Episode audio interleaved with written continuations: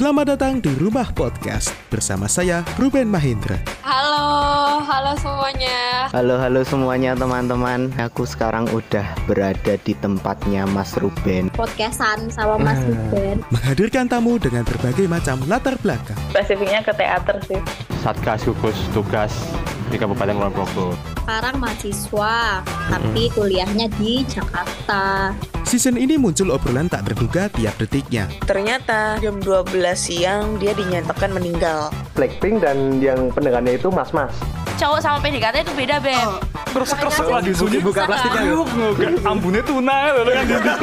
Tapi ini teman-teman hati-hati ya yang besok dihubungi dengan Mas Ruben Diajak bikin podcast Siap-siap buat mikir jawaban ya baru pertama kali yakin di rumah podcast So, stay tune on Rumah Podcast. Selamat datang di Rumah Podcast bersama saya Ruben Mahendra. Pada episode ini aku sendiri, nggak bersama temen ataupun jarak jauhan. Karena di sini aku mau ngobrolin tentang ulang tahunku yang ke-23. Woi. Sok sok sok rame gitu ya pada. Gini guys, aku mau ngucapin terima kasih buat teman-teman yang udah ngasih aku present yang udah ngasih aku ucapan baik lewat medsos maupun langsung. Ya setidaknya di sini aku belajar. Kalau makin kita dewasa itu makin gak peduli sih sama ucapan-ucapan gitu karena kadang kalau dulu aku seneng banget berharap ya. Berharap ada ucapan dari teman-temanku tapi makin ke sini aku makin nggak peduli sih mau ada yang mau ngucapin atau enggak gitu. Yang penting kamu ya umur nambah. Kamu bikin pencapaian ya udah gitu. Terus so far apa sih yang ngebedain Ruben di 22 menuju ke 23 itu? Banyak sekali di kehidupanku yang berubah terutama di era pandemi ini ya. Jadi terlebih lagi di suatu pekerjaan. Karena di pekerjaan yang aku tekuni itu berhubungan dengan kalayak ramai, khususnya di bidang event. Tapi karena pandemi, segala event termasuk perizinan, termasuk juga apa pun sih yang berhubungan dengan keramaian, kerumunan itu tidak diperbolehkan selama pandemi ini.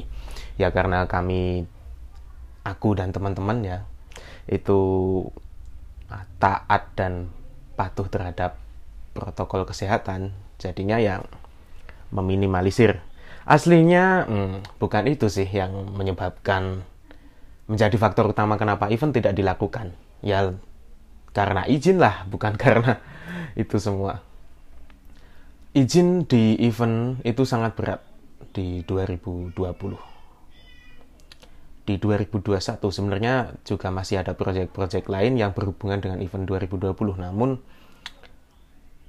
bisa dipastikan diundur atau juga diberhentikan reschedule tapi belum tentu bisa reschedule juga karena pandemi sampai titik ini masih tanda tanya begitu teman-teman nggak tahu arahnya mau ke mana ketika rakyat pun sudah patuh pemerintah masih membuat kebijakan-kebijakan yang akan membingungkan rakyat juga. Minggu pertama ini, minggu kedua seperti ini. Uh, yang PSBB tutup jam 7, kemudian sekarang jadinya tutup jam 8. Seperti itu terus muter, terus begitu. Ya, semuanya ini kita manut aja. Siapa tahu pandemi segera berakhir. Oke, aku mau ngomongin apa yang aku lakuin di menjelang umurku 23 ini yang berbeda banget mungkin ya teman-teman juga bisa ngambil apa yang sedang aku pelajari yaitu tentang slow life. Slow life yang aku pelajari di sini adalah ketika teman-teman menyikapi apa pun itu secara slow, tenang dan bertahap. Jadi kita melakukan sesuatu itu secara sadar gitu loh teman-teman. Ketika kita makan, kita benar-benar makan di situ, mencicipi apa yang sedang kita rasakan di makanan itu ataupun teman-teman ketika menonton sesuatu, kita full attention untuk menonton, tidak terpikirkan oleh hal lain. Hal-hal seperti itu memang sulit teman-teman, tapi kalau teman-teman bisa belajar, teman-teman akan merasa, wah, hidup ini lebih mindfulness gitu. Mungkin dari teman-teman juga ada beberapa hal yang bisa diambil dari pelajaran kayak gini ya. Ketika teman-teman masih sulit untuk memfokuskan pada suatu hal. Itu ternyata teman-teman dan kita semua itu nggak nggak belajar untuk mengattention penuh kepada suatu hal. Tetapi kita masih selalu berpikiran tentang hal-hal lain. Karena apa? Seperti yang kita ketahui dalam psychological well-being bahwa manusia yang sejahtera itu adalah manusia yang fokus akan sekarang bukan untuk besok ataupun kemarin. Jadi fokusnya sekarang apa pun yang teman-teman hadapi misalnya teman-teman lagi menghadapi makanan ya fokus terhadap makanan itu. Teman-teman lagi menghadapi pekerjaan, teman-teman ya fokus terhadap pekerjaan itu. Teman-teman lagi belajar sesuatu, membaca buku atau lain-lain. Teman-teman fokus untuk membaca buku itu.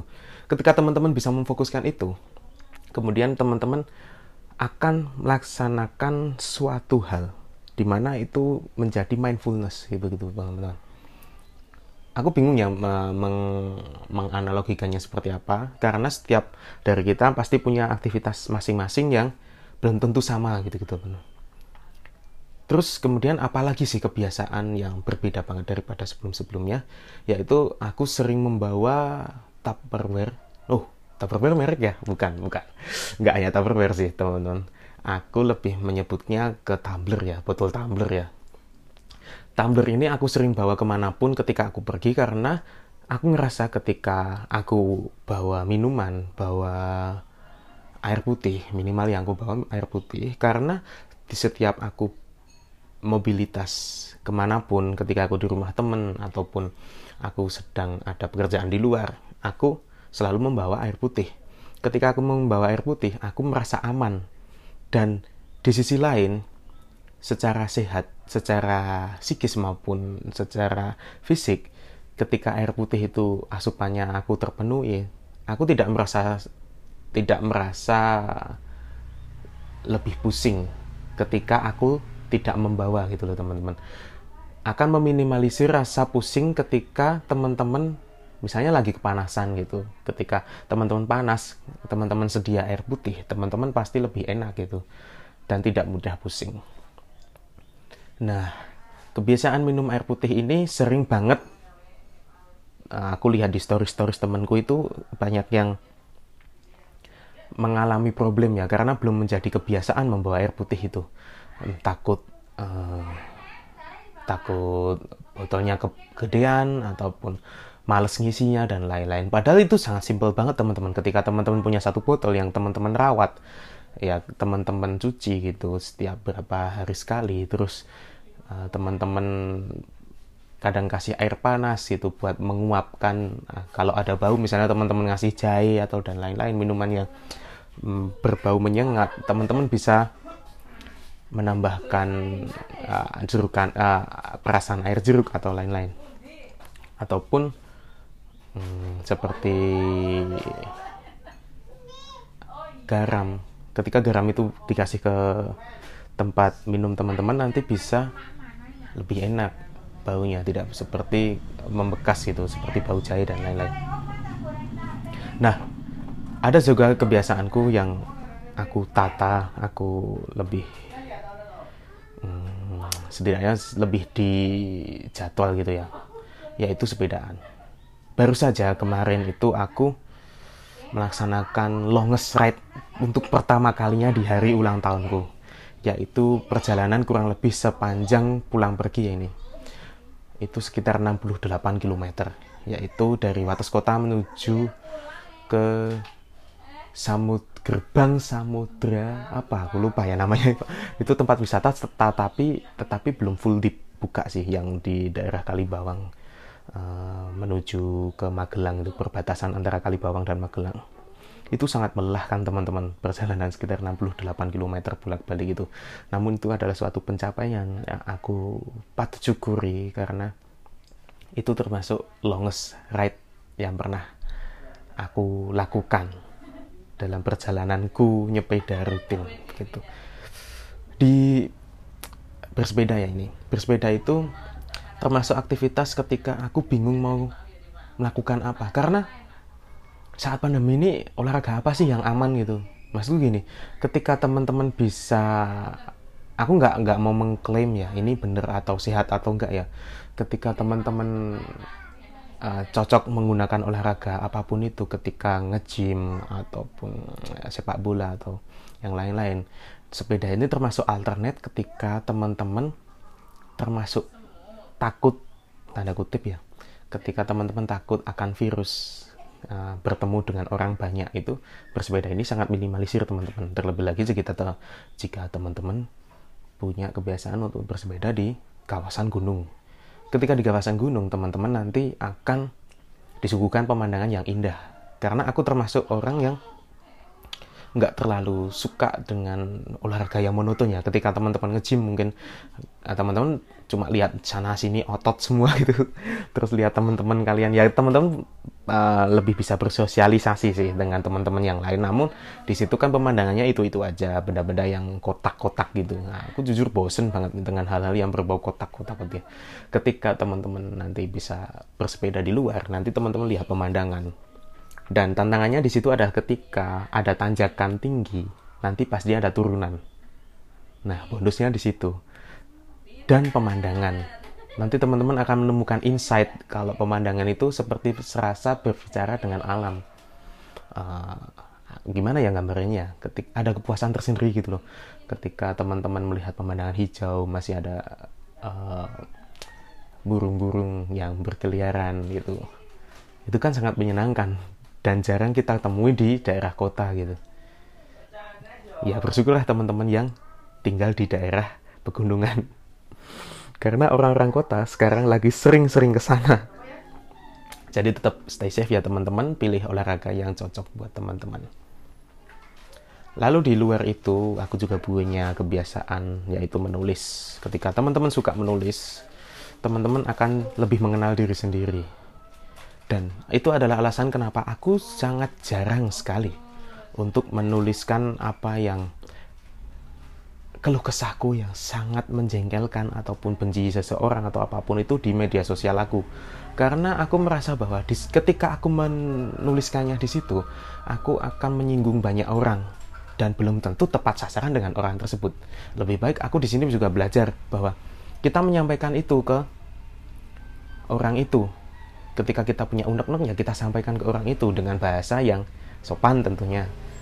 Semua itu bisa disku, didiskusikan teman-teman. Jangan ngerasa teman-teman kalau memaksakan pendapat itu ngerasa bagus gitu ya. Itu nggak bisa. Ya lebih baik ketika kita punya masalah kita harus berkompromi dengan masalah itu. Kan lebih enak begitu teman-teman. Ya cukup sedikit seperti itu ya teman-teman yang aku mau ceritain di podcast episode kali ini. Karena aku nggak mau cerita banyak terlebih lagi nanti ada banyak pihak yang tersinggung kalau saya menceritakan permasalahan permasalahan hidup saya. Dan masih banyak project di 2021 yang mau aku selesaiin termasuk single pertama dari salah satu proyek musik aku. Dan juga nanti ada bocoran konten digital yang akan rilis di 2021 ini. Ya semoga lancar teman-teman semoga menikmati konten-konten yang aku sajikan ke depannya. Terima kasih telah menyimak Rumah Podcast. Sampai jumpa di episode selanjutnya.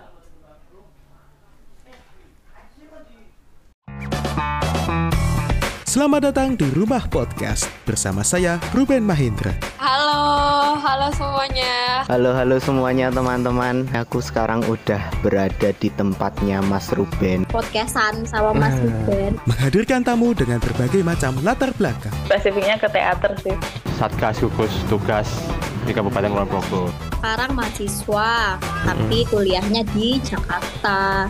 Season ini muncul obrolan tak terduga tiap detiknya. Ternyata jam 12 siang dia dinyatakan meninggal. Blackpink dan yang pendengarnya itu mas-mas. Cowok sama PDKT itu beda, Beb. Terus terus lagi sunyi buka plastiknya. Ambune tuna lho kan. Tapi ini teman-teman hati-hati ya yang besok dihubungi dengan Mas Ruben diajak bikin podcast, siap-siap buat mikir jawaban ya. Baru pertama kali yakin di rumah podcast. So, stay tune on Rumah Podcast.